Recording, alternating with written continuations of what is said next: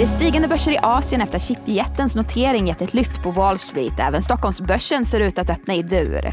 Det är fredag den 15 september, du lyssnar på DI Morgonkoll och jag heter Sofie Gräsberg.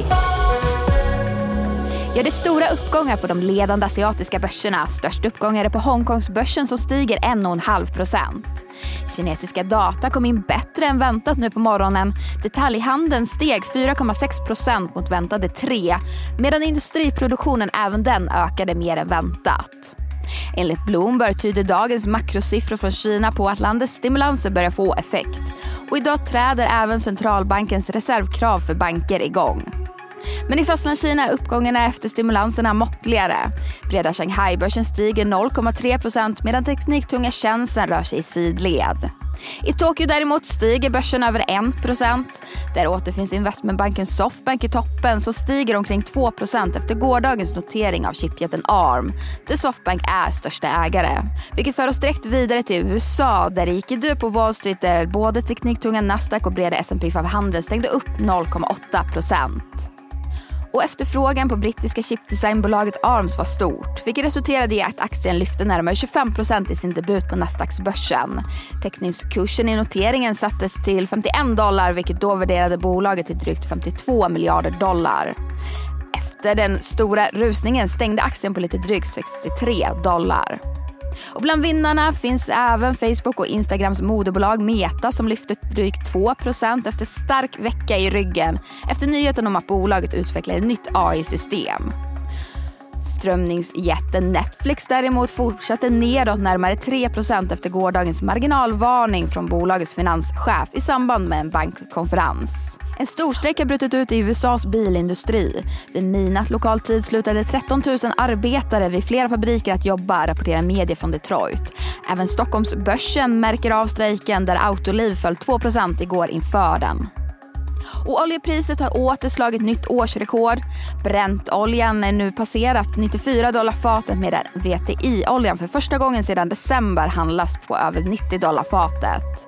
Det är efter att internationella energimyndigheten i sin månadsrapport räknar med ett underskott om 1,1 miljoner fat per dag under årets fjärde kvartal. Och så till Sverige. Per Boman kommer föreslås till ny styrelseordförande för Volvo på nästa årsstämma.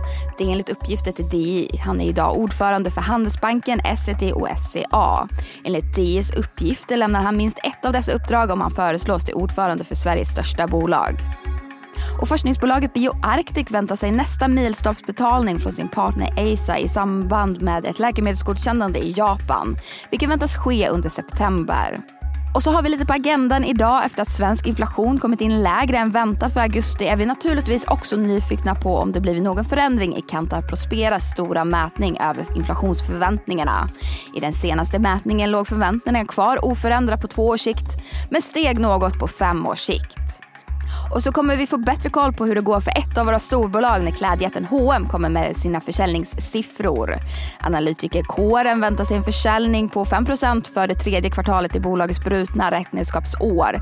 Men hm konkurrenten Inditex släppte ju en stark rapport tidigare i veckan och flera internationella modeaktörer har rapporterat starka försäljningssiffror under sommaren. Men det var allt för den här nyhetsuppdateringen. Missa inte Börsmorgon kvart i nio som senare släpps som podd. Det är Morgonkollet tillbaka igen på måndag. Jag heter Sofie Gräsberg.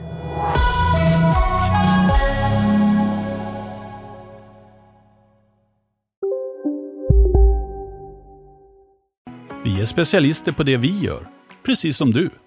Därför försäkrar vi på Swedea bara småföretag, som ditt. För oss är små företag alltid större än stora och vår företagsförsäkring anpassar sig helt efter firmans förutsättningar. Gå in på swedea.se företag och jämför själv. Hej, Ulf Kristersson här. På många sätt är det en mörk tid vi lever i. Men nu tar vi ett stort steg för att göra Sverige till en tryggare och säkrare plats. Sverige är nu medlem i Nato. En för alla, alla för en.